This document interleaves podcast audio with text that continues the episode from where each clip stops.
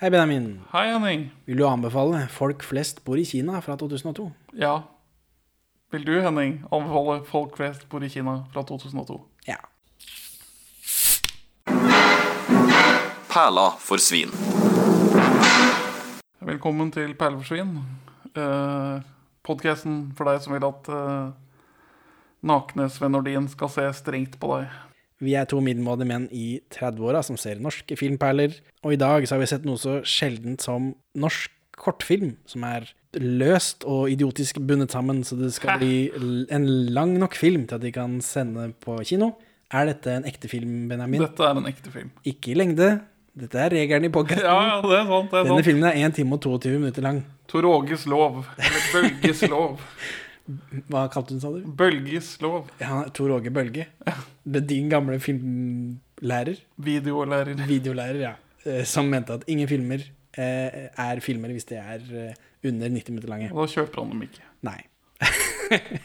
Så dette er en kort film full av andre korte filmer. Ja. Det, dette, denne filmen kommer i 2002, som ikke er et valgår, åpenbart. Nei. Eh, Hvorfor kommer det? Og er det åpenbart? Jeg holder ikke styr på dette, kjenner jeg. Fordi vi stemmer her i Norge annethvert år, og det er alltid oddetallsår. Ja. Eller vi stemmer jo hvert fjerde år, da, men Aldri det er jo fylke- og kommunevalg ene. Men som podkastens Elling og E, så er det jo du som holder styr på dette med tall og sånt, da. Det eh, jeg, tar, jeg tar ikke på meg den. Hvis du vil gå rundt her og være podkasten Kjell Bjarne, hvis du syns det er bedre enn Elling Du er mer en sånn podkastens mojo. Skal vi bade? Eh, jeg har ikke noe på dette. Hvor kommer det fra? Hvem, hvorfor har de laget den? Jeg vet ikke. Det, det, det, Hvem kom på dette? Det er jo masse regissører her. jeg tror det er han Thomas Robsam som har overordnet altså, ansvar for filmen. Altså Han har regissert én av sekvensene og dette limet som begynner de sammen. Ja, Hvilken av sekvensene er det han har regissert? da? Eh, Jeg tror det er den Rød valgallianse-sekvensen. Kanskje. Jeg er ikke helt sikker. Jeg har, jeg har ikke god kål på dette. Jeg har bare notert de eh, regissørene jeg bryr meg om, ikke de andre. Ja. Så jeg, og Thomas Robson sto bare oppført som regissør, ikke av et, en sekvens. Så jeg antok at han bare hadde tatt dette limbiten. Jeg tror han har limet og én sekvens, i hvert fall. Det kan hende. Du, hva syns du om korallblå? Er ikke den ganske delikat, da? Det er jo valg i dag, Benjamin, hvis yeah. jeg får klippet dette og lagt ut i riktig tid. Hva er det du skal stemme i år? Det blir nok eh, Ja, skal man snakke om det på podkasten, da? Jeg vet ikke. Eh, Eh, jeg er så lei av blåbrun regjering. Altså, Venstre er bare for alltid skitne til av å ha vært med på å bringe Ja, det blir KrF igjen, da. Frp i regjering at eh, de er brune. Eh, Men så jeg hadde egentlig tenkt til å stemme Arbeiderpartiet, bare for å bidra til et, være med på å bidra til et regjeringsskifte.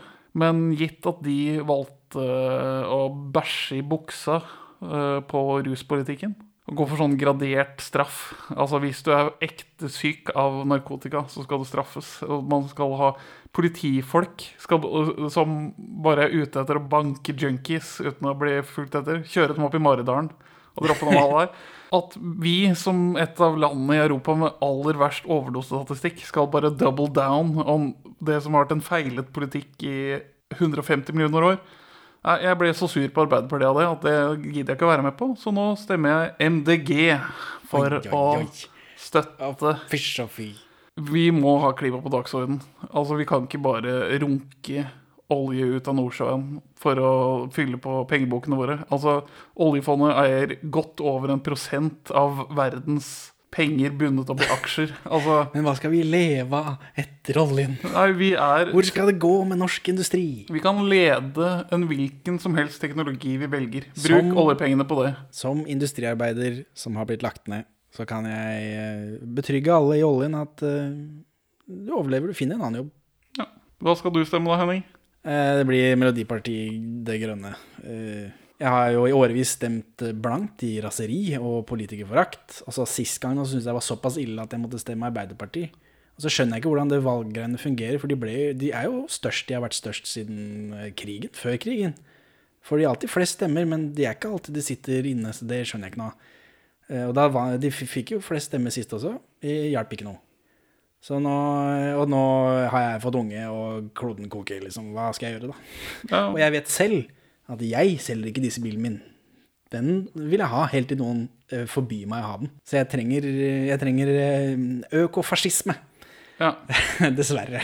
ja, ja sånn Jeg vil at vi skal legge ned skipsfart. Altså, jeg er imot eh, økt bruk av vikarer. Så jeg burde stemt Arbeiderpartiet. Men eh, hva hjelper det da om vi har 1000 vikarer om eh, vi dør av alle sammen? Fordi det er veldig varmt. Ja, og Arbeiderpartiet drukner jo i at de, de lider av det samme som partier på venstresiden Ja, lider av hele, over hele verden, er at de prøver å nå frem til høyrevelgere ved å nærme seg Høyre. Altså, Ja, ja. Det, de, de vinner ikke høyrevelgere av det, og de taper venstrevelgere av det. Hadde jeg giddet å lese meg opp på disse grønne folka, så er det sikkert ting der jeg er uenig med. Ja, det er masse dritt innad i partiprogrammet deres. Mm. Men Men det- hva, hva hjelper lavere skatter og bedre sykehustilbud når vi koker, da? ja, Det, det, liksom, det hjelper ikke. Men nå har vi jo offisielt mista Burning og Olsenbanden-crowden for, for alltid. Så Ja. kanskje vi skal bare sensurere hvilket parti vi sa, og så la det om politikk Ja, for stå. det er ingen som, skjønner, ingen som skjønner det når vi snakker om politikken. Altså Hvis det er en foss som kan selge en deodorant, så er det den her. Det åpner i hvert fall med noen veldig interessante main titles. Det er noen tegninger med navn på av skuespillere da, og så isbredt bilder av Oslo fra lufta. Det Ja, viser seg at det er tegninger av fly. Ja, er, er det det da? Jeg satt der og tenkte kart. Altså, ja. Ja, det viser seg at det er tegninger av fly, det får vi se liksom på slutten der. Eh, og så er det noe stimulerende orgelmusikk. Altså Ja, det Det er noe, noe annet, men det fungerer. Ja, det var interessant. Det setter en eller annen sånn spennende stemning på det. Ja, og så blir vi møtt av Trond Høvig, som spiller Lasse. Og han Ja. spiller E i Salig er de som tørster. Ja, vi får to skuespillere fra Salig er de som tre. Er Henrik Mestad med en liten rolle i Salig er de som tørster? Mats Austdal er eh, sønn av Sverre. Ja. Så Er ikke han med i en liten rolle her, da? Nei. Sverre Austdal er med, men ikke Mats. Nei. Men Henrik Mestad Er med i Burning. Ja, og han, Og en ganske snill mann. Og han- er med i en ganske rar rolle her. Ja, Men, men det er, øh, E husker vi alle fra Salari som tørster. gjør vi det? Jeg tror ikke alle har sett Salari som tørster. Jeg tror det er- bare deg og meg, egentlig. Deus Ex-maskina-autisten som tilfeldigvis holder styr på alle bilskiltene som passerer utenfor hans gate. Ja, i den Amanda-vinnende krimfilmen. Men her så er han Lasse, som jobber på bensinstasjon og drømmer om å gjøre, bygge ferdig sitt eget fly og fly, tror jeg. Ja, Det var et prosjekt han hadde med sin far, som han nå fullfører alene. Ja, Som de har liksom brukt mye tid på. Og hatt det hyggelig med, da. Bonda. Så nå kan vi jo starte å snakke om symbolikk her, da. Ja, for det trenger jeg hjelp til. Jeg er ikke så god på symbolikk. Det er noen ganger jeg føler jeg har plukka ut noe, og så Men hvem er Lasse? Det lurer jeg på. Hva er dette for en symbolikk? Hvem er det han er Jeg tror han skal være Ola Nordmann, bare. Ola Nordmann som vil fly, blir Ja, er blind alle- og stemmer ikke i en film om politikk? Altså, alle, alle har vel lyst til å selvrealisere på et vis. Hans er bare veldig spesifikt. Eller Lasse kan òg være Norge. Men han stemmer ikke. Hva er betydninga at han ikke stemmer? Dette er en film eh, Han er vel hvor konsekvensen av politikk, da. Det er en Altså, film drukna i politikk, og, han, og så følger vi en karakter som ikke stemmer. Han er ikke interessert i politikk heller, tror jeg. Kanskje det er derfor han blir blind. Men jeg vet, ja, hvorfor blir han blind, da? Jeg, har én hypotese om det, men det må vi i så fall ta når vi kommer til den sekvensen hvor Ja, ja. dette skjer. Ja, ja, ja. Jeg vet ikke hvorfor du hoppa rett inn i det. Jeg tenkte jeg skulle bare fortelle at Henrik Meste er der med rar dialekt, og. Bjarte Hjelmeland er der også. Ja, for, for Henrik Mestad er eh, debattprogrammer på TV 2, tror jeg. er det det han er? Ja, for han driver og snakker om alle liksom, sider av politikk, og driver og disser partier og snakker positivt om partier litt sånn uforventa. KrF er dritt, men de er bra på det her. SV er dritt, men de er bra på det her. Frp er dritt, men de er jo litt bra òg. Og så når han kommer tilbake på slutten av filmen For han er sånn, han er anti alle partier ja, han, til slutt. politikerforakt eh, som jeg kan kjenne meg igjen i. Og så til slutt, så på filmens I filmens avslutning så møter han opp i en Kystpartiet-T-skjorte. Ja, Han han har gått for Steinar Bastesen. ja men, men for her blir vi introdusert da for at i morgen er det valg. eh, Og han lurer på hva Lasse skal stemme, da. eh, Henrik Mestad lurer på hva Trond Høvik skal stemme. Og så får vi ikke noe svar på det. Og så er det mer main titles over hele dette. Og så er det vel er det Elin Sogn hun heter, hun fra Hotel Cæsar. Ja. Spiller Julie i Hotel Cæsar, hvis ikke jeg tar feil. Og eh, Og så går det en naken fyr bak henne. Ja, det er veldig tidlig med Piki Monitor i main titles, men eh, sånn er det i norsk film. Og så er det noen svartkledde menn på sparkesykkel på landeveien. Ja, vi blir jo introdusert for ting da som dukker opp i filmen. Det det akkurat hva de symboliserer, jeg vet ikke helt. Et eller annet om å følge strømmen, kanskje. Jo, men de har jo dress på. Hele poenget med den sparkesykkelscenen er at han har slutta med dressen. Ja. Eh, Men nå går vi rett på første filmen, som er 'Dressmann', som er en film om Høyre. ja. Hva står Høyre for for deg, Benjamin? Uh, bygge ned staten og passe på at uh, rike folk kan spare mer av pengene sine. Uh, samtykker. Slagord til Høyre 'Vi tror på Norge fordi vi tror på deg'. Var ikke det gamle slagordet deres 'frihet under ansvar'? Det er i hvert fall ikke det som står på Wikipedia nå. Når er det etablert, tror du? 1896. 1884. Rett etter Venstre. Altså august 1884. Det er så, samtidig som parlamentarismen innføres. Navnet Høyre ble egentlig brukt nedsettende, for de heter eh, egentlig det, De konservative foreningers sentralstyre. Og frem til 1905 er Høyre for unionen med Sverige. Fy faen. Og etter første verdenskrig så var det stort sett eh, Høyre Norge lente seg på for å gjenreise statens finanser, som det står på Wikipedia. Eh, Og så er det stort sett Arbeiderpartiet da etter eh, 1935, og utover helt til når da? Når får vi Høyre-regjering? Etter 1935? Er det ikke første gang eh, Er det ikke når Gerhardsen-regjeringen blir felt? Det stemmer. Etter eh, Kings Bay-saken? Det stemmer. I 1963, da er det Kings Bay, og da danner Høyre regjering i fire uker. Ja. Hvor mange statsministre har Høyre hatt? Tre. Ni. Ja, jeg telte bare de etterkrigsgreiene. Ja, det teller ikke. Alle. Denne Dressmann-filmen er regissert av Morten Tyldum, Norges eneste Best Director Oscar-nominasjon. Mm. Som hadde åpent forhold til kona hans tok livet av seg? Eh, nei, var ikke de skilt da når hun eh, Jo, jo. rulla inn? jo, jo. Hvordan de ordna det forholdet sitt, det vet jeg faktisk ikke, og er ikke egentlig så interessant. Sven Nordin kjører bil. Det er året etter Elling, dette. Ja, han er eh, veldig flott blitt allerede.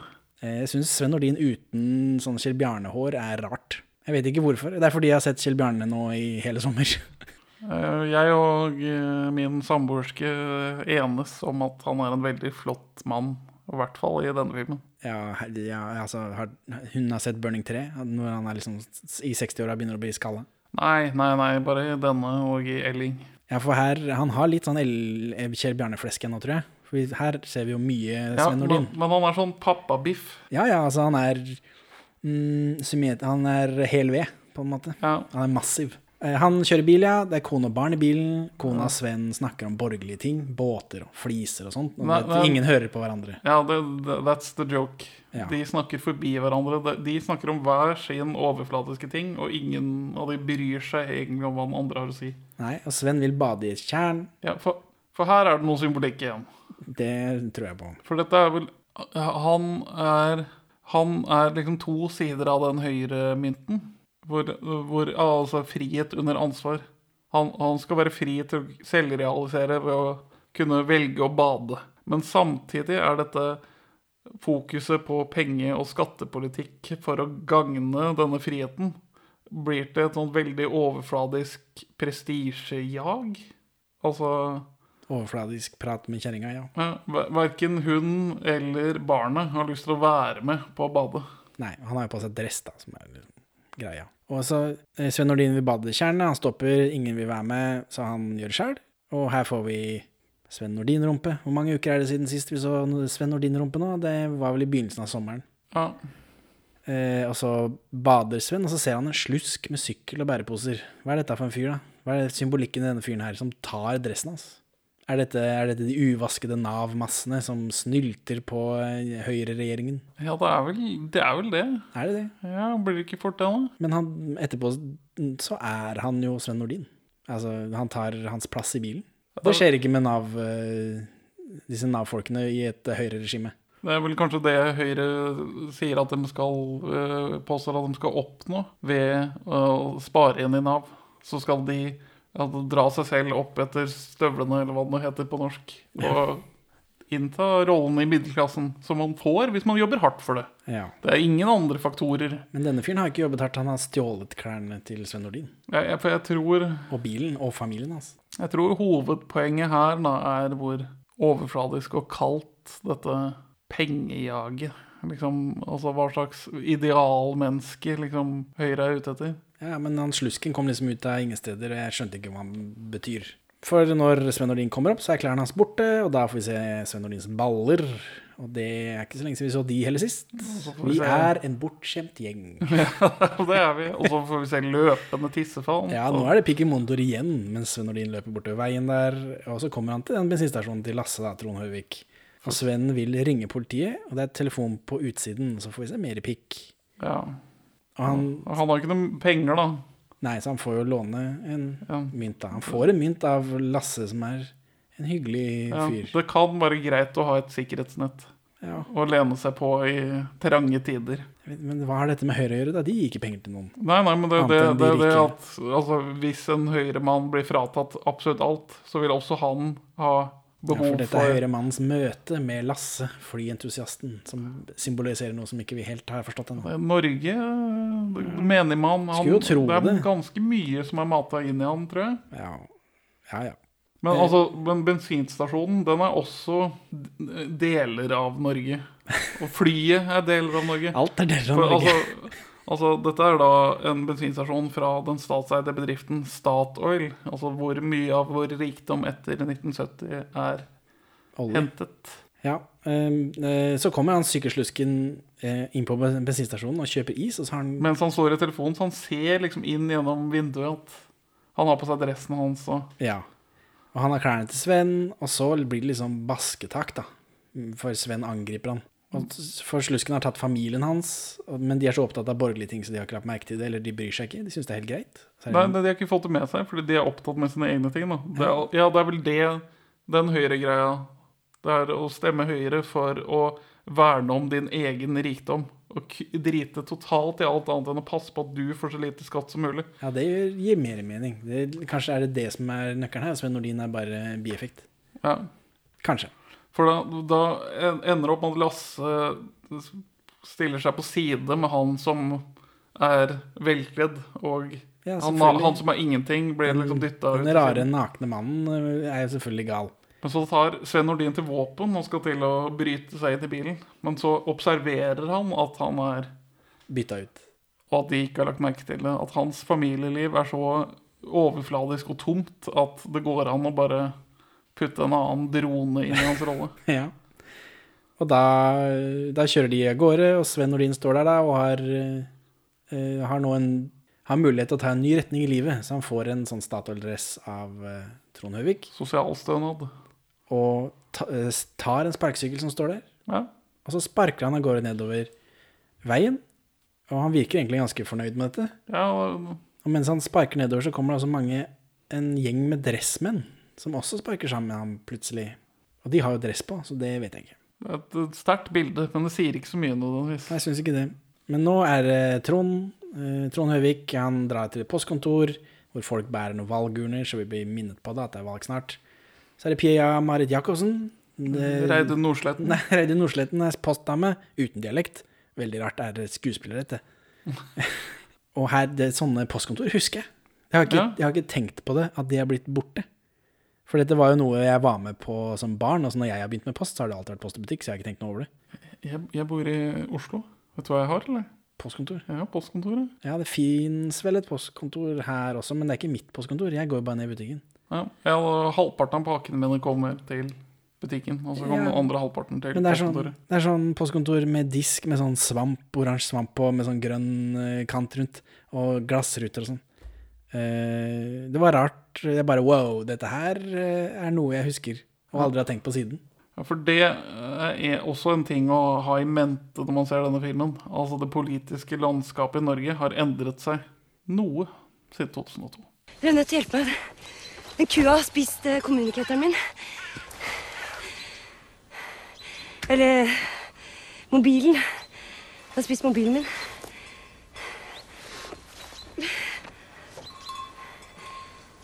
Ja, skal vi prøve å dra han ut, vi da, eller? Ja, han har fått en. Og så Her satt jeg og min samboerske og diskuterte Er det noe symbolikk i at man får en vindsokk Fallos. Er det fallos? At man får en vindsokk fra partiet Høyre. Men det er ikke Høyre som har eh, sendt den pakka. Nei, nei, men den kobles jo til Altså, den følger i serie etter den Høyre-greia. Men vi etter Jeg jeg, syns det føles som det mellomgreiene Min tolkning av mellomgreiene er vel at de forskjellige partiene har på sitt vis bidratt til å bygge det Norge vi har i dag. som er flyet. Ja. Ja, nå kommer det en ny film. Eh, Den heter Heimat. Eh, Senterpartiet. Hva er Senterpartiet for deg? Eh, konservativt knølparti som er anti-EU, men har noe vettu-politikk på eh, fylkessammenslåing. Ja, Nå om dagen så er det vel Frp menn på landet. Ja. Eh, Med litt sånn Trump-tendenser, med han skalla idioten som Vedum. bare NRK er bare sånn 'Å, det er så morsomt å ha han med på TV, så vi gir ham bare masse tid'. han lager så rare lyder. Er det det? Ja, Har du ikke hørt han le? Jeg klipper det inn her, jeg.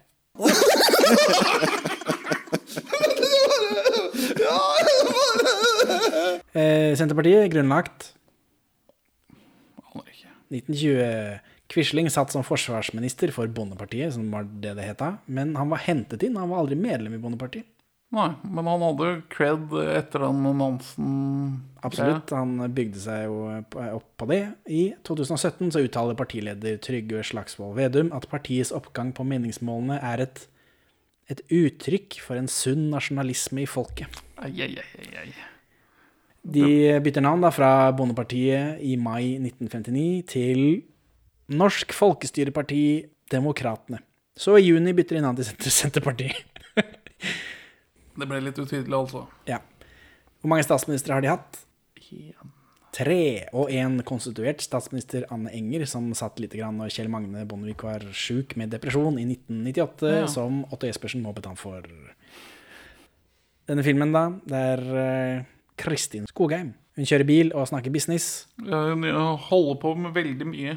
Hun har en veldig fancy telefon til å være 2002. Ja, hun har en sånn liten sånn PDA. Mm. Som bare, bare Hun er flyr inn på bensinstasjonen, hun kjøper en salat. Lasse spør om han skal varme den opp. Er det vanlig å varme salater på bensinstasjoner? Han har vel ikke peiling, da. Tydeligvis ikke. Men Hun får mer business-telefoner. Hun har funnet en foss hvor de skal lage en deodorantreklame. ja, for hun jobber innen markedsføring. Tydeligvis. Men hun, hun er anti-idealborger for Senterpartiet. Hun er jetsett bymenneske som ikke lever i pakt med naturen, sånn som gode nordmenn skal. Ja, for hun snakker jo også med tydeligvis noen hun bor sammen med, at hun skal hjem, og de skal lage middag, og hva skal de ha til middag? Det er masse stress. Hun Sånn. kjører. Ja, masse Røyking. Foreldrene skal inn, og i morgen skal hun flytte til Stockholm, og det er bare ting. Ja, det er masse greier. Masse stress, røyking, notater, hun skriver på telefoner. Og så blir det bråstopp for en flokk med kuer. Da spiser den ene kua telefonen hennes. Så dette er vel noe Jurassic Park 3-greier. Hvor Ja. der er det en dinosaurus som spiser telefonen til han eh, Man hører vel noe ringelyd fra en bæsj på et tidspunkt. ja.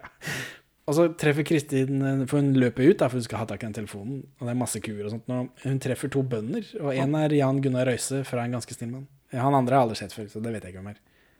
Hun ber disse om hjelp, da, men hva skal de gjøre? da? Skal de liksom kua har fire mager, og hvis vi regner ut en tre-fire timer per mage, så er den vel ute i morgen en gang, da. Ja.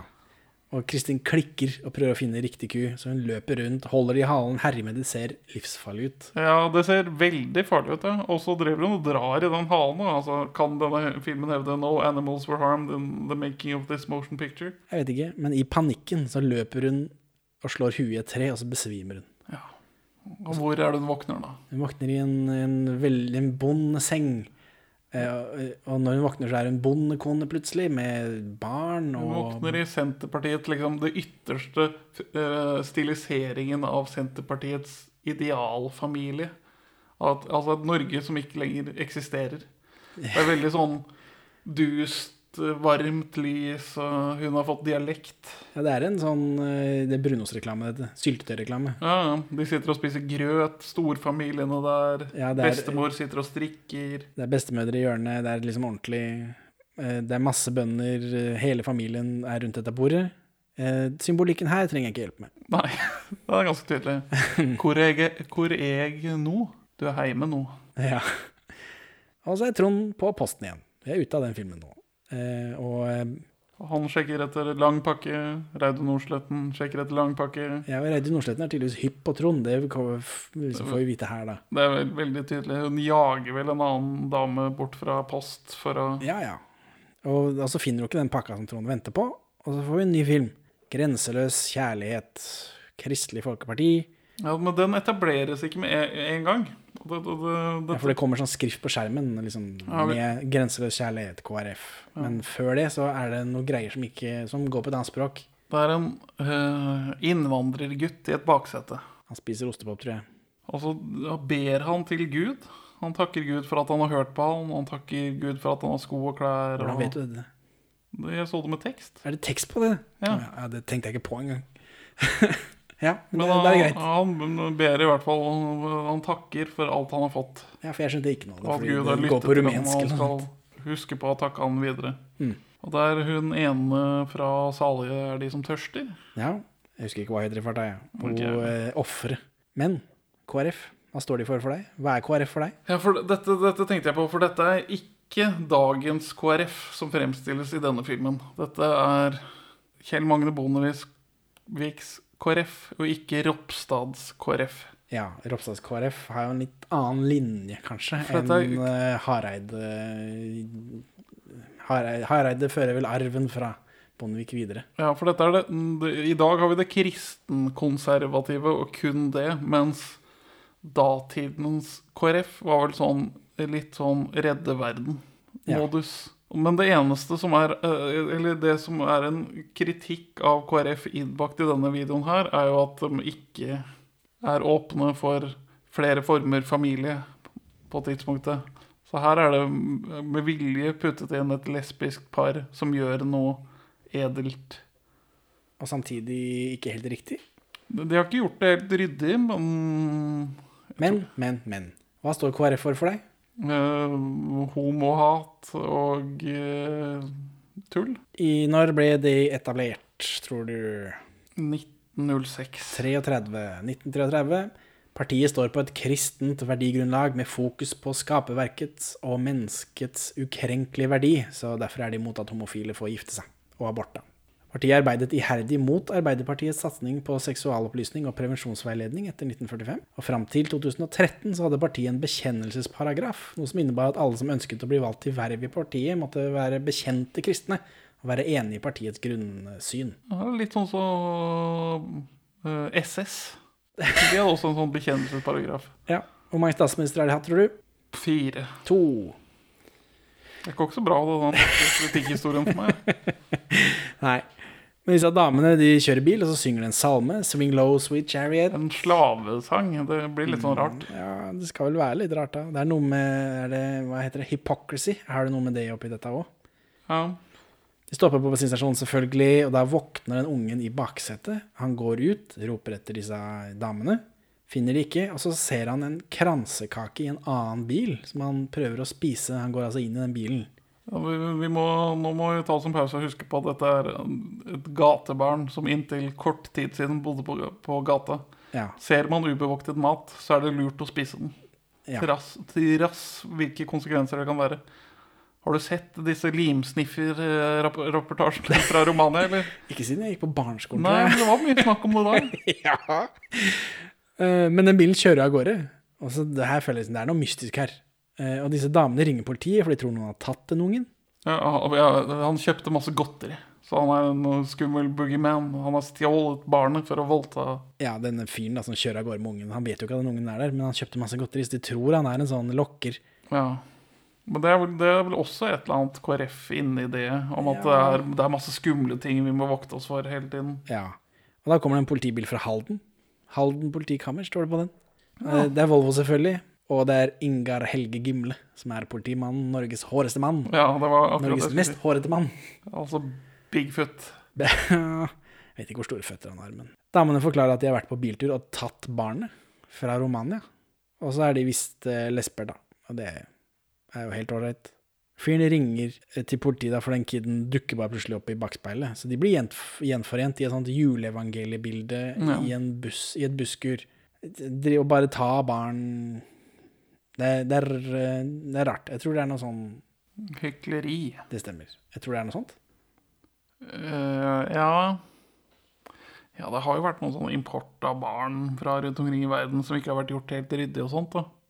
Ja, men det virker som de eh, Det er dette hvite mennesker som bare tar seg til rette. Det virker som det er noe sånt. Å ja, nei, eller Nei, jeg, jeg leser ikke inn i det. Men en, en ting jeg sitter igjen med her, er da to lesbiske damer som lever etter idealene til KrF til det ytterste, men likevel ikke ville blitt godkjent av KrF fordi de har feil samlivsform. Ja. Det blir litt sånn Frelsesarmeen, hvor øh, det, du har lov til å være homofil, men ikke praktiserende. Ja, Men er, var de så beinharde i 2002? Ja, det vil jeg tro. Det, Det er mulig. Det- Det, har jeg har ikke vært- satt meg noe inn i. Jeg bare vet at nå Det er de kom jo kom nylig en bok om uh, homo- og abortkampen innad i KrF. Jaha. Og at nå, liksom, nå har liksom den kristenkonservative fløyen vunnet. Men, det er Klarer du en, så liksom, klarer du to. Vet du. men den kampen om disse temaene som har foregått innad på liksom, landsmøtene, den har liksom ikke vært publisert, men har egentlig vært veldig sterkt før det nå liksom bikka over, og de siste liksom, liberal, liberalkristne folka meldte seg ut etter at partiet imploderte. Ja. Så, men det er den eh, kortfilmen. Og så er det Trond som ser på fly på TV-en, bare. Ja. Ikke noe mer spennende. Så kommer det en film som heter Den lille bedriften, som er fra Venstre. Hva er Venstre? For meg så er det som Høyre. eh, Bare med noen miljøgreier som ingen Høyre-velgere vil ha. Så da er det ingen som stemmer Venstre. Det er en koseversjon av Høyre. Da. Ja, eller det er folk som vil ha høyrepolitikk, de stemmer jo Høyre. Folk som vil ha miljøgreier, vil ikke stemme på Høyre. Så jeg vet ikke hvem Venstre er for. Det er for Abid Raja, da. Ja, Venstre er vel litt mer liberale enn Høyre. da. Altså De er ikke sånn beint over konservative. Ja, men de har jo all eh, høyrepolitikken i tillegg, så hvis du vil ha noe liberalt, så vil du ikke ha høyrepolitikk. Det er liksom frihet under ansvar med litt sikkerhetsnett, tror jeg er Det kan hende. Det er Norges eldste parti. Når er det grunnlagt? 1884. Januar 1884. Året etter grunnleggelsen så fikk de 63,4% av stemmene. Det er riktignok før allmenn stemmerett for menn.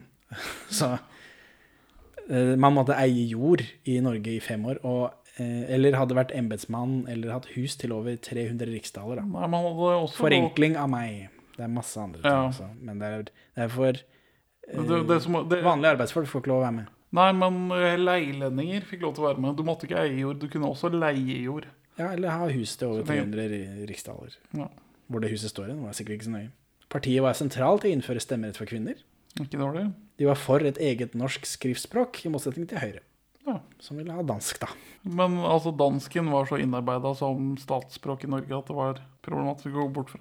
Venstres tidligere flaggsaker var oppløsning av unionen og allmenn stemmerett. Det, alt dette er jo veldig positivt. Det er jo rart Ja, ja. at eh, folk ikke stemmer Venstre. Partiet splittet seg i 1972 over EU-avstemningen, og ja-siden i partiet bryter ut i Det liberale folkepartiet, hvor 8 av 13 stortingsrepresentanter bryter ut. I 1988 så slår de seg sammen med Venstre igjen. Ja. Så, og i 2001 så får de 3,9% av stemmene, altså det er under sperregrensen. Men de får to stortingsrepresentanter og er med i Bondevik-regjeringen med tre statsråder.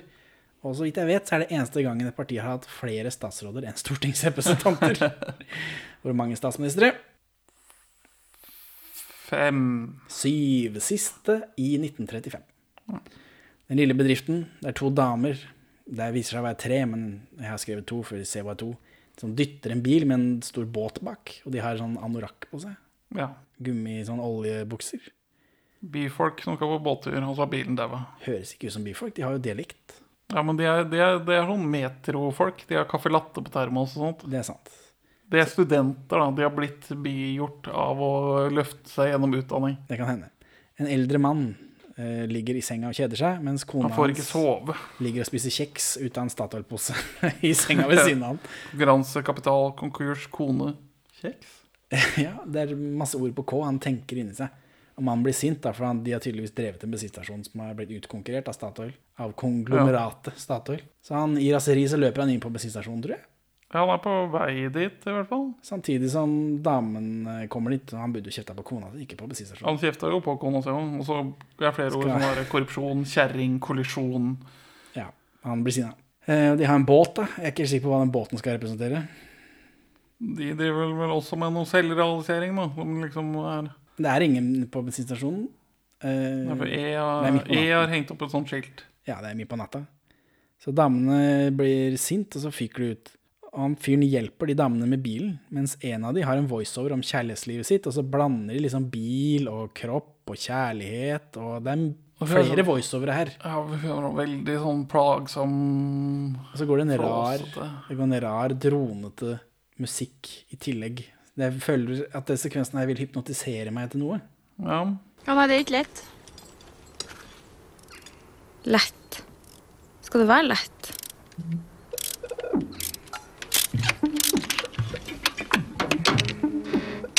Nei, uten olje så skjærer motoren seg. Sånn har det alltid vært. Men hvis de pusser tennpluggen, så blir det liv i motoren igjen. Jeg er kjempeglad, ja. Det er jo teknisk umulig å være forelska hele tida. Det er vel en parallell kjærlighet og motor, og at et, et eller annet sånn at uh, samme løsning for forskjellige problem, eller en eller annen måte å liksom se verden på, da, som skal føre fremover. Ja, fordi hun snakker om kjærlighetslivet sitt, og han snakker om bilen, og så snakker de egentlig om samme ting. Ja, Det han sier, hjelper for både motoren og henne.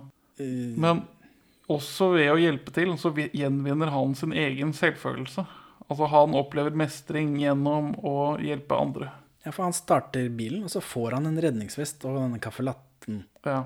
Så, og så kommer kona, og så spiser de kjeks, og så er det god stemning. Og så er de nyforelsket igjen, sånn som Ja. hun ble liksom nyforelsket Ja, i for han, han har fiksa bilen, og så har de fiksa forholdet, I guess. Ja.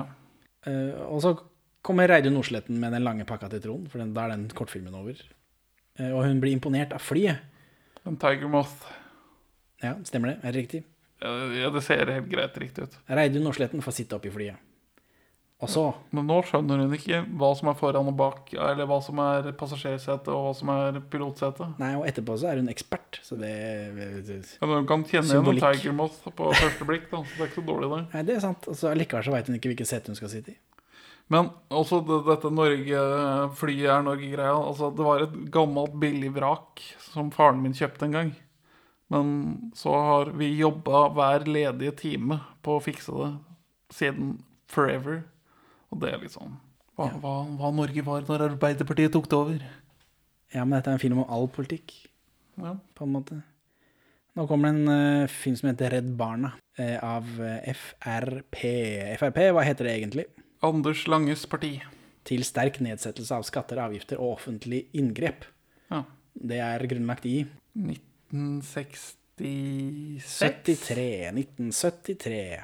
Partiet har selv vedtatt at det er et liberalistisk parti som bygger på Norges grunnlov, norsk og vestlig tradisjon og kulturarv med basis i det kristne livssyn. Det høres ikke så bra ut. Nei, det lukter litt brunt.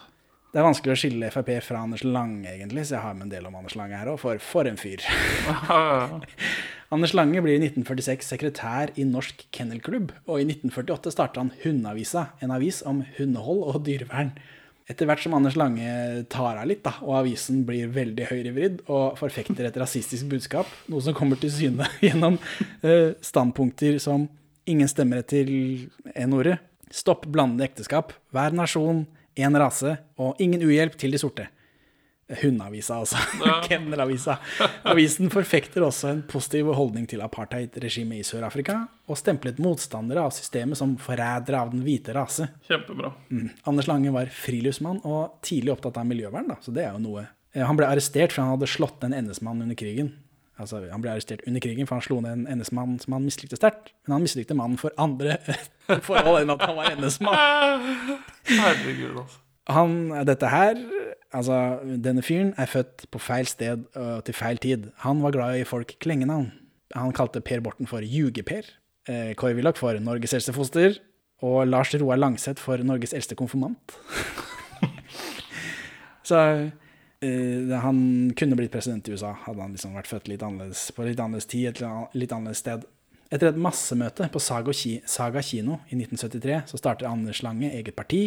Han blir valgt inn på Stortinget i 1973 også, og sitter et år før han dør. Og det er et år hvor han verken kan eller vil lære seg de parlamentariske spillereglene, og det året blir beskrevet av de andre på Stortinget som et sirkus. Da han dør, så kommer Carl I. Hagen inn, fordi han var hans første vara. Eh, Men Carl I. Hagen på det, har på dette tidspunktet allerede gått over til Reformpartiet. For de har begynt å splitte seg allerede. Ja. Et utbryterparti fra Anders Langes parti.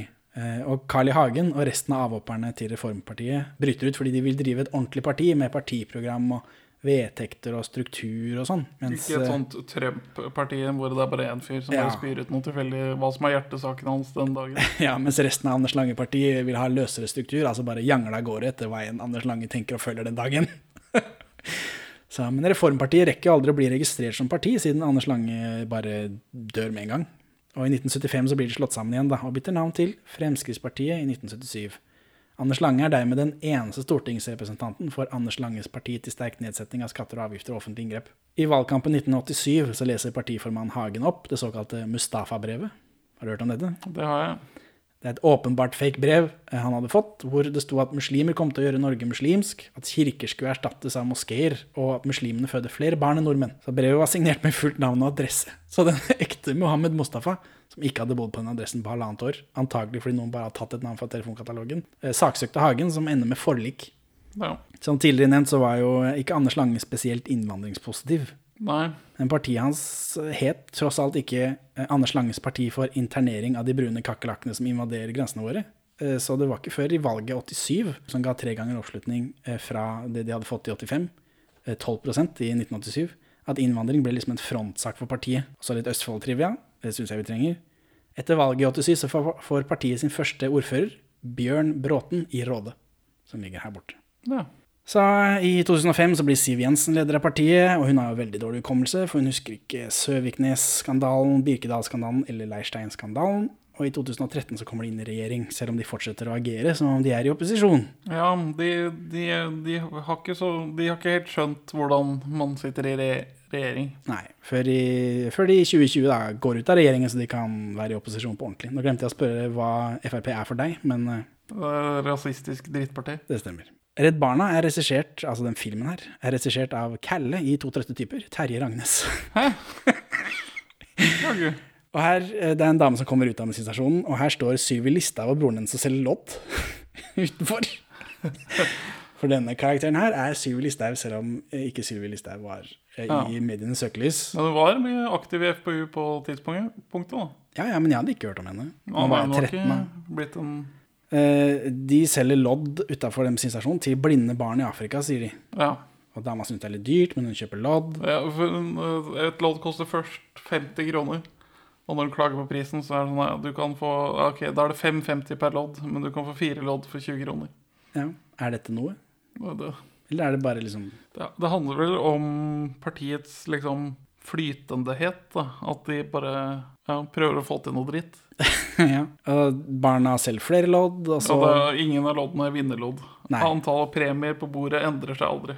Det er en som har med får med noe greier. Er det det? Jeg mener det. De selger flere lodd, og så pakker de sammen. Og så går de inn til Trond, og så ber de han telle pengene, fordi hun er blind. Jeg vet ikke, Han er ikke blind, tror Nei, men han er ganske liten. Han er, jeg tror ikke han klarer å telle opp til 453. Nei, det kan hende. Eh, og så kjøper de godteri for alle pengene.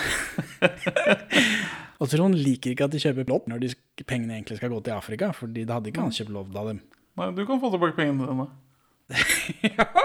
Og hva med de andre, da? Ja, de er ikke her. Hun jenta her er så rå. Ja, hun er så kul. Altså utbryterstjerne. Absolutt. Og hun sier det er så mye rot i Afrika, det er bedre at de liksom bruker pengene til å kjøpe godteri for her. Og hun sier alle disse Frp-tingene. Dette er Syvi Listhaug, Og så får vi title drop. Folk ja. flest bor i Kina. sier pappa. Han sier, han sier vel det, Tarald? Ja, han pleier å si det. Ja, Jo, det. Han er en sånn crony-type, eller? Ja, Er det, er det et symbol på at de har en veldig sterk leder i Frp? Ja, det, det vil jeg tro. Ja. Og så skal de kjøpe bursdagsgave til en av faren sin, som vi ikke får se. Og de ender med bensin for 30 kroner. ja hun får uh, Tarald til å ta ut den store melkesjokoladen sin Ja. for å betale for dette. ja. Er- altså, så de kjøper bensin for 30 kroner, og da får de igjen 3 kroner. Og de 3 kronene så gir de til Røde Kors, og så går de. og så er du fornøyd nå? Ja. Ja, den kortfilmen her, den syns jeg hever seg over mye av det andre. For det, dette var eh, morsomt og eh, ganske lett forståelig, egentlig. Men det var, det var så gøy å høre denne grusomme lille jenta. Men det, Kjempemorsomt. det er vel Høyre-kortfilmen, den Frp-kortfilmen og Arbeiderparti-kortfilmene som er Ja. mine topp tre. Ja, men, eh, men, også, men hvorfor er denne jenta blind? Hva betyr det? O store orakel Benjamin. Det, det kan vel tolkes som at, det, at det er et parti som kun bryr seg om sånne enkeltsaker. Mindre skatt. Det vil vi ha. Mindre innvandrere. Det vil vi ha. Og så Ja. ser man ikke noe annet. Man bare jobber på de tinga. Mindre bompenger. Men hun skal jo selge eh, lodd for blinde barn i Afrika, så ikke altså det vel, Hun sier vel for seg selv også, gjør hun ikke det? Så ikke hun blir sånn og sånn. Jeg skal kjøpe, hun skal kjøpe førerhund i fremtiden. Ja. Og det er vel et eller annet om der at vi kan ikke ta inn innvandrere, fordi da har- vil vi ikke ha penger til å betale for de syke med, i hva med de eldre? Ja. Jeg vet ikke. eh, Knall eh, Knall Knall sekvens. No, eh, men etter dette så begynner det å skje noe rart med øynene til E. Ja, hvorfor det? Fordi han har vært borti denne jenta. Ja, jeg, jeg tror det er hva, hva for en elendighet Frp har brakt inn i norsk partipolitikk. da. Det kan hende. At hele Altså den, den derre bare å appellere til det laveste søppelet i, i den norske velgermasse, og kun gønne på på det, hvordan det har liksom bidratt til å forgifte hele den norske politiske diskursen. At det blir vanskelig å liksom At han, man blir liksom blindet av det bidraget til Ja, At de ødelegger, på en måte. Mm. Eller senker moralen. Jeg vet ikke om man kan koble det opp til dette flyet. Men eh, Ja, nei. Jeg kommer ikke unna den. Den jenta er så bra. Og eh, jeg, når, jeg, når jeg ser på henne, så tenker jeg Jeg syns jo det er gøy at Sylvi Listhaug sier de grusomste ting, men på så koselig måte. Og så er hun helt forferdelig fæl. Ja. Og så syns jeg det på en måte har en slags underholdningsverdi. ja, men Men det er bare synd at, eh, at det går utover folk. Ja, det er ikke noe, det er ikke noe bra, sier jeg. Nei. Folk flest liker ikke å bli lurt på den måten. Folk flest bor i Kina. Det pleier alltid pappa å si. Ikke sant, Harald? Han pleier visst å si det. Men ja, eh, Trond begynner å se dårlig. Drar til legen. Som er Kim Haugen, sønn Kim Haugen. av Paul Theodor. Eh, og vi kjenner han fra Buddy. Ja. Han er øyelege. Eh, Trond ser dårlig, og han må gå hjem mens han griner. For han syns det er trist at han ser dårlig. For han, han kan ikke kjøre hjem. Og det vil antagelig bety at han heller ikke kan fly med dette flyet sitt. Ja. Det norske prosjekt vil ikke lette. Så, men er han velgermassen, da? Fordi velgermassen som stemmer på Frp, gjør dette med vilje. Mens han blir jo blind og syns det er trist. Det er ingen som gråter etter at de har stemt Frp. Nei, men, noen flere ville kanskje grått om Frp hadde fått 100% oppslutning og gjennomført sin til dels litt småfascistiske politikk. Ja, men ja. ja. Men så, ja, han er folket, da, ikke velgermassen. For det er ikke de som stemmer på Frp som ville at det skulle gått utover. Reidun Nordsletten plukker han opp langs veien, da. Hvem er Reidun Nordsletten i dette? Det vet jeg ikke. Nei, nei. Ny film. Pokémon Power heter den. Eh, Det er eh, Rød valgallianse, som er et parti som ikke eksisterer lenger, men det gjorde jo det på et tidspunkt. Når er det dannet? Uh, 1979. 73. Den er nære. RV var valgfronten til Arbeidernes kommunistparti, marxist-leninistene. AKP-Emil. Det stemmer. Eh, For de ble nekta å stille til valg under eget navn. Så de, de var liksom, eh, Rød valgallianse var valgarmen deres. Ikke alle i RV var med i AKP-ML, men AKP-ML drev den vanlige partivirksomheten, og RV var bare aktiv ved valg. Eh, Men er det noe kommunister elsker, så er det jo å krangle med hverandre. Så etter at de gikk frem på listene, eller fikk noen flere stemmer ved valget i 1979, så ville RV ha et tydeligere skille mellom de og AKP-ML, og de får egen landsledelse. Og etter en lengre prosess som starter i 87, så blir RV i 1991, tilfeldigvis når Europa har knust kommunismen, eh, et fullstendig selvstendig parti med vanlig medlemsorganisasjon. Ja. Altså ikke organisert som kommunistparti. Nødvendigvis. I 2005 så starter en prosess som er uvant for kommunistene. De tar initiativ til sammenslåing, samarbeid, med AKP da, eh, fordi de ideelle forskjellene er så små. Og eh, vanligvis så skiller de seg jo fordi de har veldig små forskjeller. I 2007 så ble RV nedlagt da de, AKP og Rød Ungdom slo seg sammen og ble Rødt. Ikke alle ble med, selvfølgelig. Noen utbrytere startet kommunistisk plattform som skulle lage et marxistisk-leninistisk parti kort tid etter 2007, men det gjorde de selvfølgelig aldri. Eh, Hvor mange statsministre har de hatt? Null. Det er riktig. Pokémon Power, Samsaya, kommer til bensinstasjonen. Dette er jo Jeg kjenner ikke så godt til Samsaya, må jeg innrømme. Men hadde hun et eh, riv sånn på begynnelsen av 2000-tallet hvor hun var skuespiller for alle penga, eller hva skjer Ja, jeg her? tror det. Jeg tror det. Villmark, også denne filmen. Villmark er 2003. Jeg tror hun hadde en skådisperiode før hun ble artist. Ikke eh, Før hun ble? Samtidig? Jeg. Jeg føler at hun, For meg så er hun først og fremst artist, uten at jeg kom på en eneste sang hun Ja, har er laget. hun først og fremst skuespiller, dernest artist. Ja, jeg tror ikke hun har eh, stemmen til dama til Knerten også. Ja. Men hun kommer til bensinstasjonen, det virker som hun jobber der. Og så kommer Odd Magnus Williamson. Er dette hans første rolle? eller noe sånt? Jeg har ikke Tror sjekket jeg. Han er purung, i hvert fall. Fryktelig ung. Han kjører en harry bil. Eh, han har med seg en fyr. Jeg tror han heter Edvard på ordentlig, han skuespillerfyren. Er han veldig ung, eller er han lettere utviklingshemmet? Det føles som det siste. Ja. Men det er ikke helt uttalt heller. Nei, Men han er litt for stor til at Odd eh, Oddis skal få 200 kroner for å passe på han i to timer. ja, jeg, jeg tror det er det siste, og derfor blir det veldig rart det som skjer i filmen. Ja. Uansett hvilket av alternativene, så er det et overgrep. Men som Saya er Rødvalg Allianse her. Hun er arbeideren. Absolutt. Ja, Det det- skjønner jeg faktisk. Ikke bare er hun kledd i rødt og sier alle kommunisttingene, men hun er altså arbeideren fysisk. Og. Oddis er personifiseringen av de verste sidene til Høyre og Frp. For han skal liksom passe på denne fyren som ikke er helt som alle andre, men han Mishandler han. Ja, samtidig som han er jo på en måte Han blir beskytta inne i bilen, men han bare vil ikke å være der. Ja, han, men han blir ikke møtt på sine liksom, behov eller med menneskeverd eller noe sånt. Da. Han Nei, ble jo nei. bare oppbevart. Ja, Han blir låst inne i bilen noen ganger, han banker på vinduet, han skriker og hyler. Og så er Odd, uh, Oddis er jo opptatt av å tilrane seg goder. Ja, veldig. For det er eh, gratis bilvask på bensinstasjonen hvis ikke de spør om det, og det husker jeg det var. Ja, Og her sånn så går han ut og sier i dag, i dag skal vi få gratis bilvask. Og så eh, sparker han bort ballen til noen unger som, har, som spiller fotball på utsida der. Hvem er disse ungene? det vet jeg ikke. Nei. Det er vel de som blir fratatt uh, skolefritidsordninger fordi de ble nedlagt. Det kan hende. Så går han inn på bensinstasjonen, og så følger han andre fyren etter. Han begynner å snakke om Pokémon Ja, altså, Odda er drittsekk. Men det mest provoserende her er at øh, Eller jeg vet ikke om det er fordi han er utviklingshemmet, men det kjennes ut som det skjer i manus. Men han forstår i hvert fall ikke hvordan Pokémon fungerer. Nei, han er litt mer elling enn andre. Han sier også at Pikachu er tre stadier, og i 2002, da jeg brydde meg om Pokémon, så hadde de bare to. Altså, Pikachu hadde bare to. Ikke? Uenig? Ja, det er feil. Hva er det som er riktig i 2002? I 2002 ja, så hadde Pikachu tre stadier. Nei, hva er siste stadiet? Raichu. Nei, det, han, får, han får en prequel. Han får en miniversjon. Ja, det kommer etter at jeg slutta å bry meg om dette. 150 Pokémon. 151 Pokémon kan jeg strekke meg til. Ja, Jeg er med på 251. Ja, ikke sant? Uenig. Eh, hvor var vi i dette?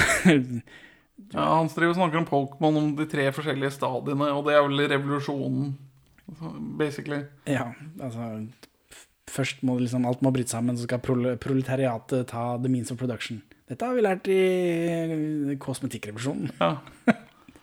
Kamerat Evy. Kamerat Evy. Uff. Odda er en dritt mot alle. Han ser på puppene og rumpa til Samsaya. Samsaya sier kommunistting. Odda har masse penger, men han gidder ikke å betale. Nei. Det syns han at han andre fyren kan Ja, gjøre. vi ser at han har kjempemasse penger, og så er det bare sånn Nei, eh, her var det skint. Det, det er nok du som må betale i dag òg. Dette er noe som har skjedd før. Dette er et uh, systemisk Ja, det, er, problem. det er nesten Jeg skulle tro han var en sånn uh, laksetype. Laksekakse. Ja. ja, de vil jo bare utnytte fellesskapets ressurser uten å betale for det, så. Absolutt. Eh, Så, men jeg jager de til slutt, og da får de jo gratis bilvask. Fordi hun spurte ikke. Og han fyren blir låst inne i bilvasken, og det liker han ikke. Odda sier N-ordet, som ikke er lov. Han sier M og N-ordet i en harmoni. Og han fyren sliter i den, i den eh, bilvasken. Og så kommer Samsaya og setter seg i bilen sammen med han, og så pøker de. Jeg vet, ikke, jeg vet ikke hva dette er. Det er et overgrep uansett om han er for ung eller litt mer elling enn andre. Men det Nei, altså Utviklingshemmede folk har lov til å ha sex med ikke-utviklingshemmede folk. Har de det? Hva med maktbalanse og alt dette greiene? Ja, men hun, hun er jo ikke i en sånn eh, Hun er ikke i noe maktposisjon Hun er ikke formynder for han eller en ansatt på en institusjon eh, han bor på. Altså, så lenge han samtykker, så skal det kunne gå an.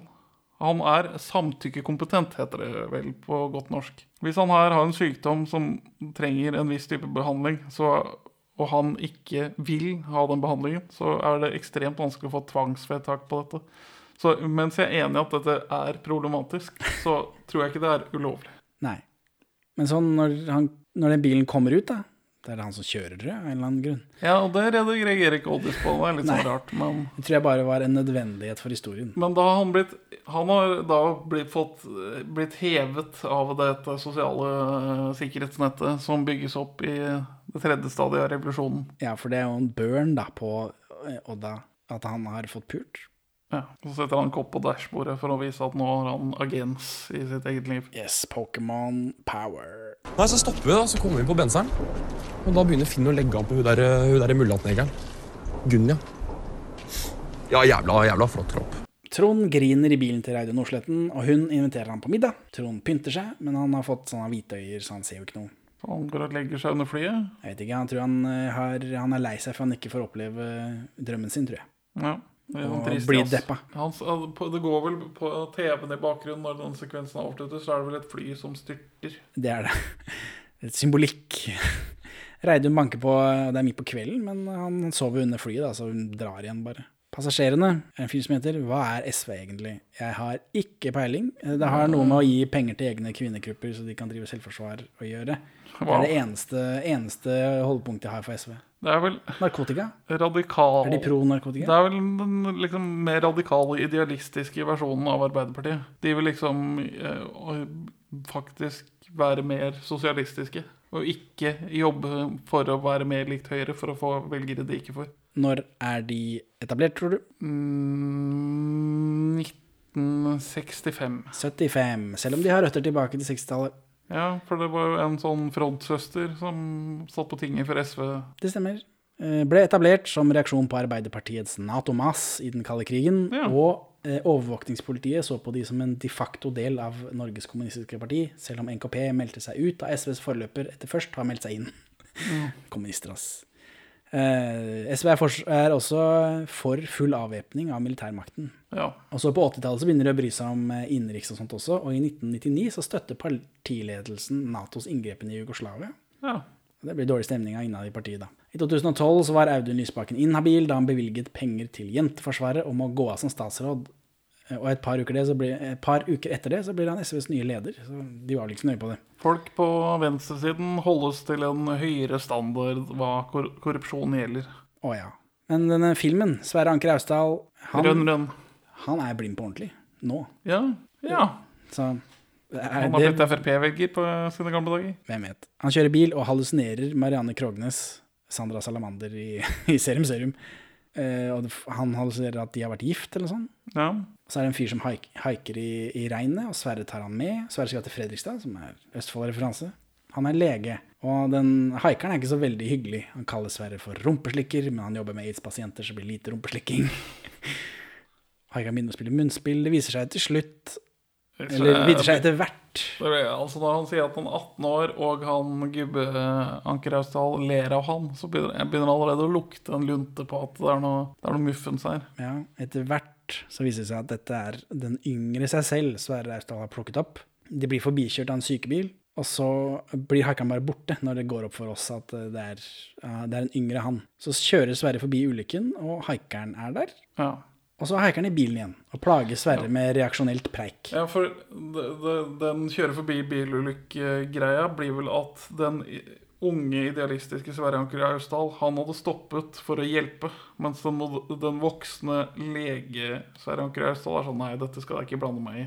Nei, men Det er jeg jo enig i, for det- sykebilen er jo der. Ja, men han er lege. Sykebilen er ikke, som regel ikke fylt med leger. Hva er det du jobber med? Jeg er lege. Tenkte vel det. Leger er faen meg de mest selvhøytidelige rumpeslikkerne som fins. Jeg jobber med aids-pasienter, så det blir ikke så mye rumpeslikking akkurat. Eh, Sverre eh, går inn på bensinstasjonen, og når han kommer ut igjen, så er haikeren borte igjen. Og Sverre spiller munnspill. Så, men hva er dette? Hva er symbolikken her? Jeg fatter ikke. Du fatter ikke. dette, dette er vel jeg skjønner jo at han snakker med seg sjæl, og at han var, hadde, hadde sterkere følelser før, og bla, bla, bla, men hva har dette med SV å gjøre? For dette er den mest abstrakte av alle kortfilmene. Ja. Det er som, eh, den er minst håndgripelig. Men dette, dette er å fokusere på den delen med at SV har en veldig ung velgermasse.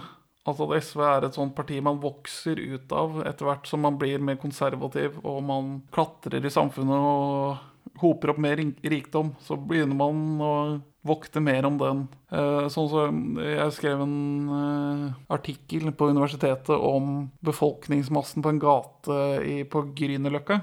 Og der, der var det en sånn AKP-ML-gruppe hvor de jobba for å liksom bevare leiebo... Altså vokte om leieboernes rettigheter i dette området. At de ikke skulle bare bli kjøpt ut av huseiere. Men de som leier i gata, ble gradvis erstattet av høyt utdannede folk som får råd til å kjøpe ut leilighetene sine. Og da, da legger de ned den foreningen for å beskytte leiernes rettigheter, siden alle de som leide før, nå eier selv. Og nå er jeg opptatt av at folk skal kunne eie og selge boliger i dette området isteden. Og, det- og det er liksom det den her fokuserer på, er dette at SV er et, en ung persons sitt parti.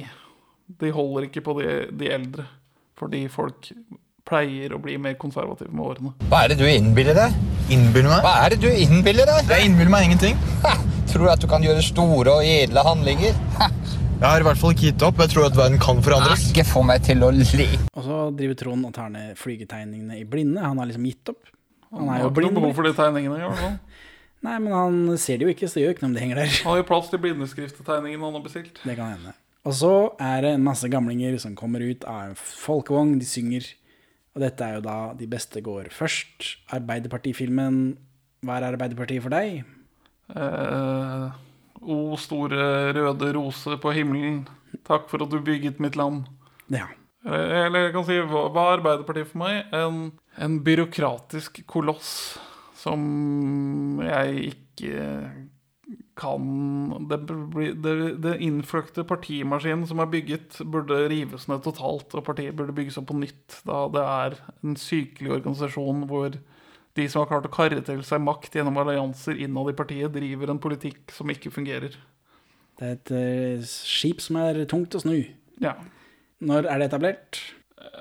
1899. 87. 1887. Det Ja. første programmet hadde bare fire punkter. Alminnelig stemmerett for menn og kvinner. Lovfestet normal arbeidsdag. Direkte skatt. Det vet jeg ikke hva det betyr. Skattet man til andre folk før? Ja, Det, det, man skatter vel kun på moms eller noe annet, og varehandel Vet ikke. Støtte til anerkjente og berettigede arbeidsnedleggelser. Det vet jeg ikke hva er for noe. Ja, streikerett. Ja, det er det. Jeg tenkte for liksom, er det Legge ned jobber, er det det de vil ha støtte til? Ja, eller vil de, vil de at vil de at alle Når man får sparken, så må det være en god grunn til det? Er det det de ville? tenkte jeg. Så Ja ja, det var rart å putte det i. Men ja, det er streikerett, selvfølgelig. Ganske bra partiprogram, vil jeg si. Ja, Det er bare de fire punktene, så det er jo innafor det. De er fire bangers, liksom. Ja, hadde de holdt seg til det? Bedre med en god EP enn et dårlig album. Ja. Eh, Det tar seg opp etter 1898, da, når det blir allmenn stemmerett for menn. For da kan plutselig folk som bare jobber også stemme. Etter første verdenskrig og den russiske revolusjonen eh, så radikaliserte Arbeiderpartiet seg til å bli et revolusjonært parti for proletariatet. Hva er et proletariat, Benjamin? Arbeiderklassen. Ja, det er folk som har få eiendeler enn sin egen arbeidskraft. Ja. I 1919 så melder Ap seg inn i Komitæren, som fører til at høyrefløyen bryter ut og danner Norges sosialdemokratiske arbeiderparti i 1922. Hva er Komitæren, forresten? Det er en internasjonal eh, samarbeidsorganisasjonen for kommunistpartier. Det stemmer. basically. Den kommunistiske internasjonale eh, var en internasjonal sammenslutning av kommunistiske og venstresosialistiske partier. I 1923 så ble Ap kasta ut av Komintern fordi de ikke gjorde alt Lenin bestemte. Ja. Eh, Og venstrefløyen bryter ut da, og lager Norges kommunistparti. Så nå er Ap plutselig et parti uten fløyer, så det er ikke helt greit å være kommunist. Eh, og i 1927 så slår de seg sammen med høyresiden sin igjen, da. Sjokk at høyresiden vant eh, nok en kamp. Eh, og ved samme valget så blir de Norges største parti, noe de har vært siden altså 1927. Så hvis de holder ut eh, som Norges største parti noen år til, så har de vært det i 100 år.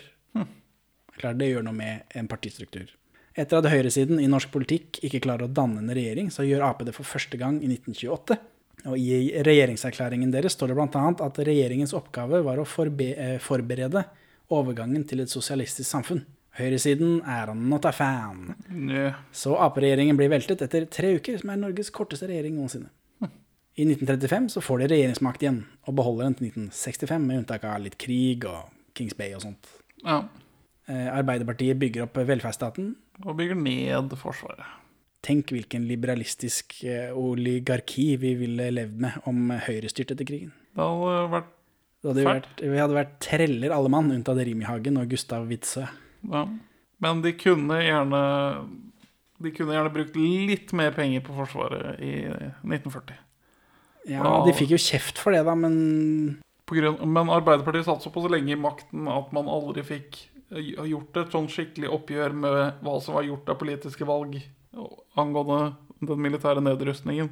Så det er masse ko-ko eh, folk som er ute og mener ting om det. Men det er noe muffens i måten Arbeiderpartiet behandlet se- seg selv for hva deres folk hadde gjort i disse dette oppløpet til eh, ja, for, du vil, 9. april. for du vil jo ha en, en seks måneder lang krig med Tyskland istedenfor to. Det er ikke som om vi hadde vunnet. Eh, Det I tidlige timer den 9. april så lå det i noen timer an til at den tyske invasjonen skulle bli mislykket. Ja, men det lå jo eh, an til at tyskerne skulle ta over hele verden de første åra der også. Ja, men Det altså snur seg jo. Å innta et land over sjøen er ekstremt vanskelig. Altså Hadde vi hatt en militær beredskap og kunne møtt de der de gikk i land, så er det jo bare å drepe de til de detter i vannet. Hadde vi, kunne vi. Det er bare å sende nok folk til at ikke vi har mer å drepe de med.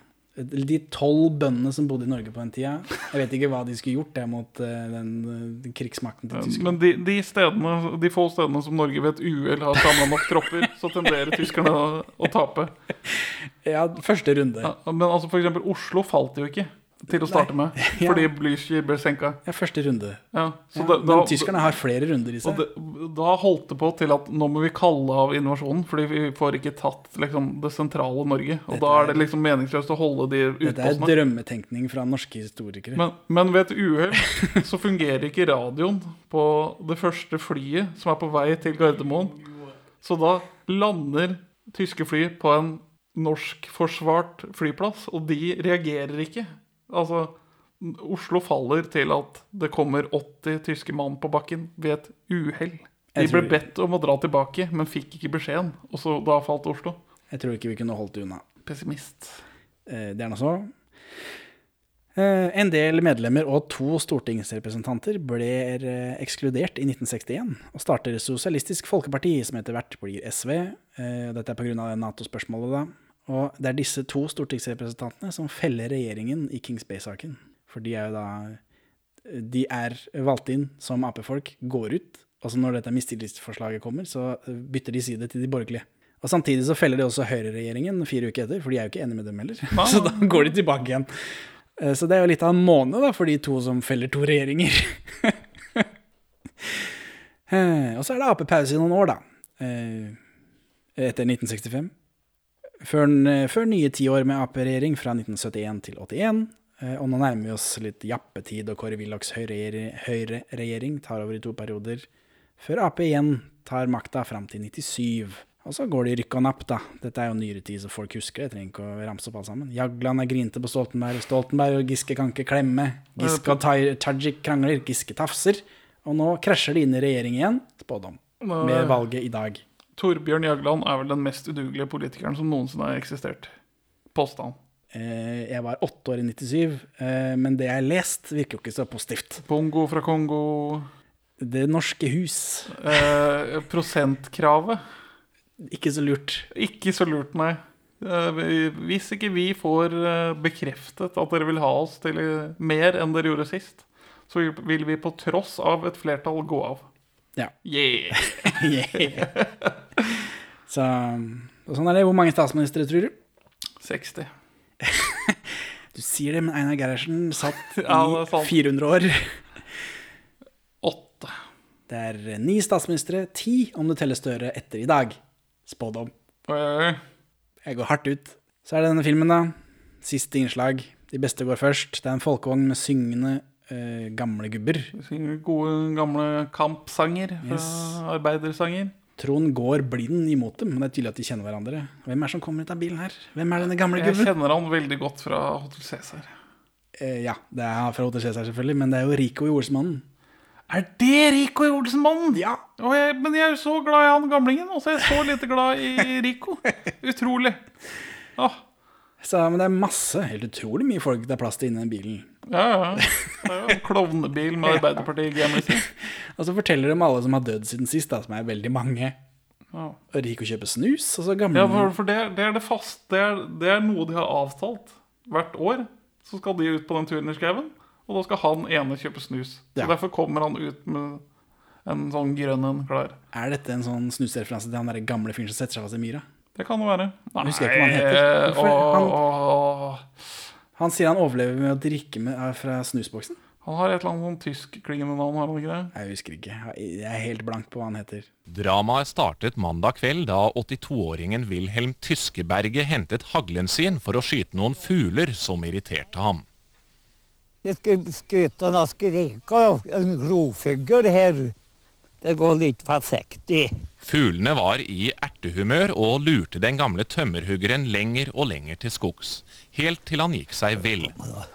Gammel tøffelfiller. Da går den i ring. Kommer han på samme sted, bare ringer og ringer rundt. Så kommer han lenger og lenger bort. Så gamlingen går på tur, gamlingen har tissepause. eh, Og det er vanskelig å tisse tydeligvis når man er gammel. Og så er det en dame som roper fordi hun sitter fast i myra, og det er Elin Tsong, som vi så på begynnelsen. Som de Mhm. drar inn nå. Og den nakne mannen tror jeg han fra Sykkel fra Dressmannen, han sykkelslusken. Ja. Så hvor han fikk sykkel fra, mm, uvisst. Eh, Og gamlingene går ut i myra da, for å redde henne. Det er et veldig slående bilde. Ja, veldig. For Elin har satt seg fast.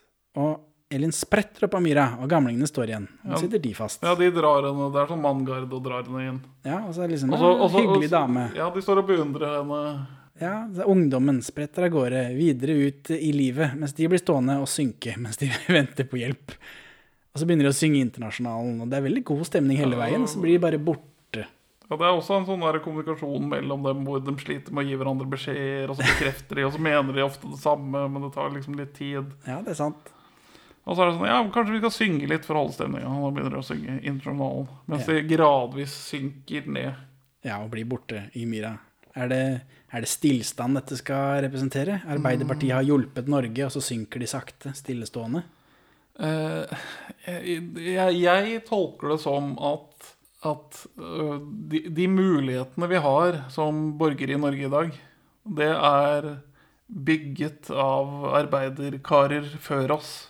De har ofret for å gjøre dette for oss, men eh, Arbeiderpartiet har drukna litt i, etter dette.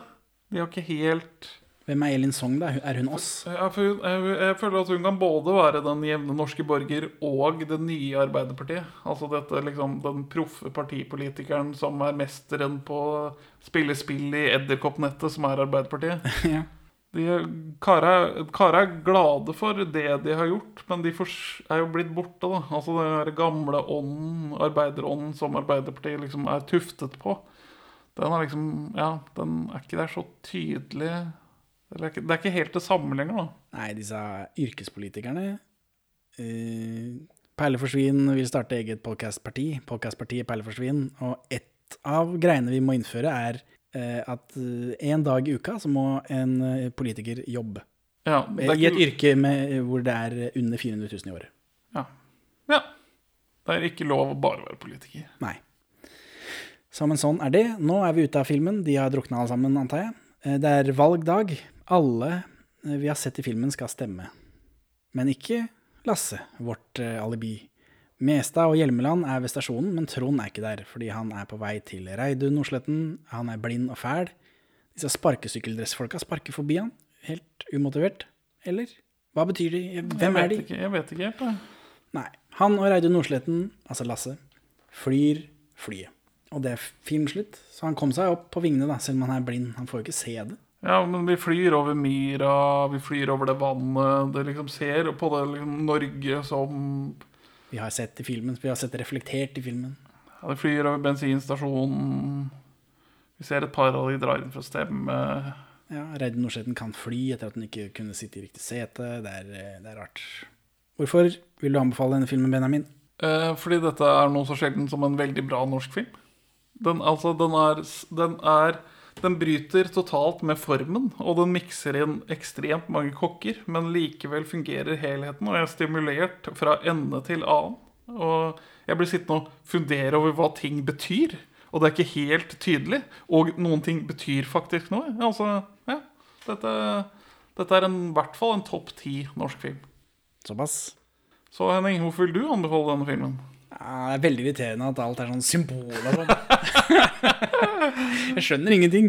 Eh, Jeg kan jo anbefale, for det er mye symbolikk, men det er ikke alt jeg forstår. Nei, nei, ikke jeg. Og så er det liksom, det er sånn tenkefilmen, det er også Det er ikke topp ti, langt ifra. Det er veldig trist og dårlig stemning i filmen. Hvorfor det? Politikk er kjipt. Ja, jeg vet ikke.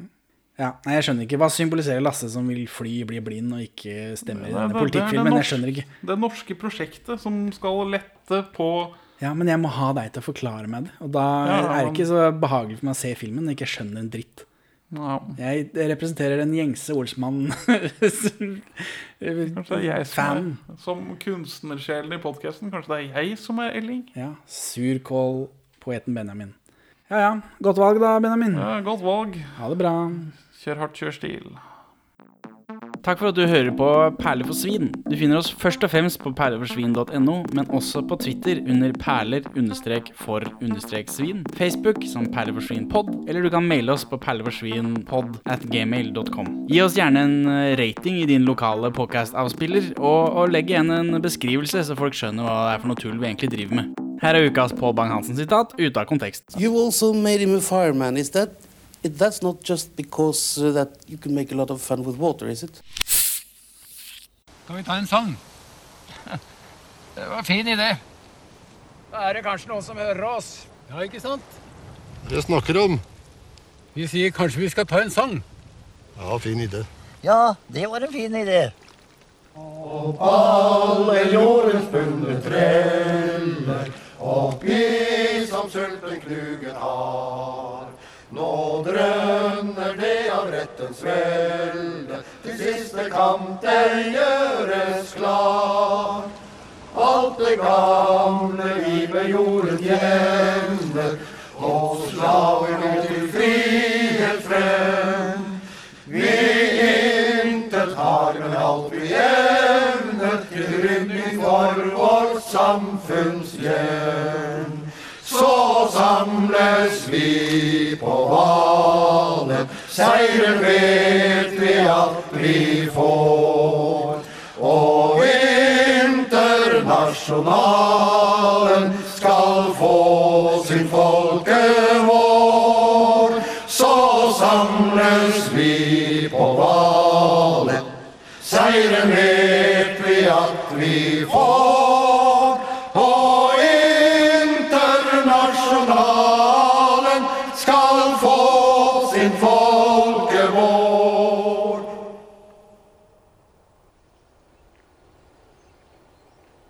More cocks, the more mess. Hmm. Henning Solberg.